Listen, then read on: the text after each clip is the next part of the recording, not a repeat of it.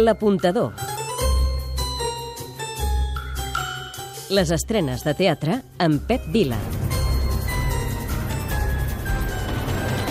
Hem de parar aquest carrer!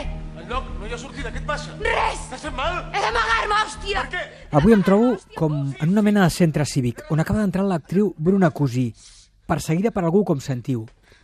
Aquí i així es desenvolupa Dogville, un poble qualsevol, una adaptació de la pel·lícula de Lars von Trier, ambientada a la nostra època i als ambients mediterranis, però que parla gairebé del mateix que parlava la pel·lícula, de la maldat humana.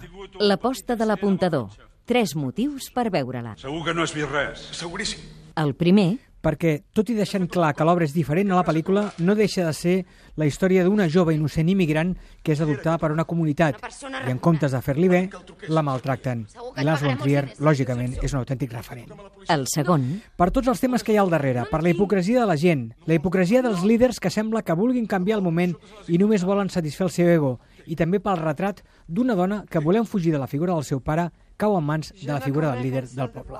el tercer, Home, evidentment, per tota la gent que hi ha al davant i al darrere, actors com Bruna Cosí, David Verdaguer, que continua de moda, Lluís Marco, entre d'altres, amb dramatúrgia de Pau Miró i Sílvia Munt, i dirigit per aquesta última. Seria com una pel·li de Tarantino. D'entrada, ja hi aniries només per qui està al darrere. Hola, sóc en Pep Cruz i és l'apuntador que us ho recomana. Aquesta és l'aposta setmanal de l'apuntador, però també n'hi ha d'altres.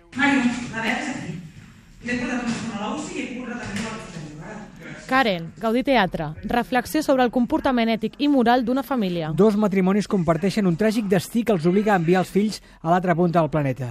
Anys després es pregunten qui són i ara quina línia els separa del bé i del mal, amb autoria d'Eber Blanchet i direcció de Marta Gil. Em vull quedar amb les coses de la mama. Per què? Les coses que se'n deuen a l'hospital.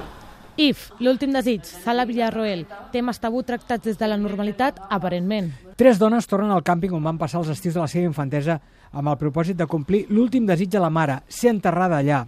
La coreògrafa Vero Zendoya dirigeix i interpreta juntament amb Alba Florejacs i Gloria Sirvent una comèdia àcida que tracta de temes tabú des de la més estricta normalitat. Ja es va veure amb bona acollida a la sala de triomf.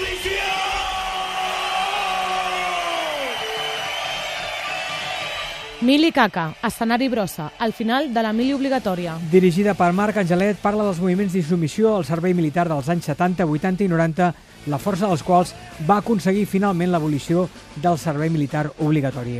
De fet, el relat surt del testimoni fidel d'insumisos, militars, periodistes i jutges. Ets un covard. M'hagués agradat dir-li ets un covard.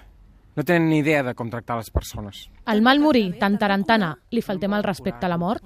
Al David li han diagnosticat una malaltia, una de les fotudes. Far dels tractaments i sense la seguretat que la seva situació millori, ha decidit engegar-ho tot i passar els seus últims dies fent el que més li agrada en aquest món, llegir còmics i afartar-se de dònuts. La seva germana Ruth, lluitadora incansable, no estarà disposada a llançar la tovallola.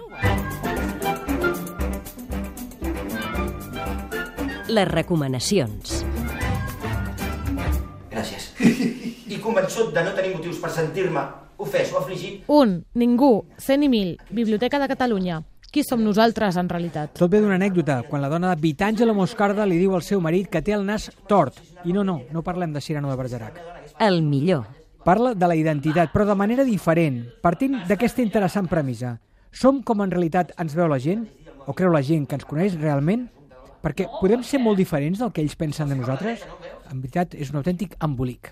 el pitjor, Que potser l'espectador trigarà una mica a entrar-hi, però després ja no es mourà de la cadira. un moment per recordar. Els constants canvis, no solament físics, sinó de mentalitat, que fan Laura Obert i Mar Rodríguez, que estan realment sensacionals. En definitiva, És un Pirandello, per tant, no és una comèdia italiana, encara que hi hagi molta ironia.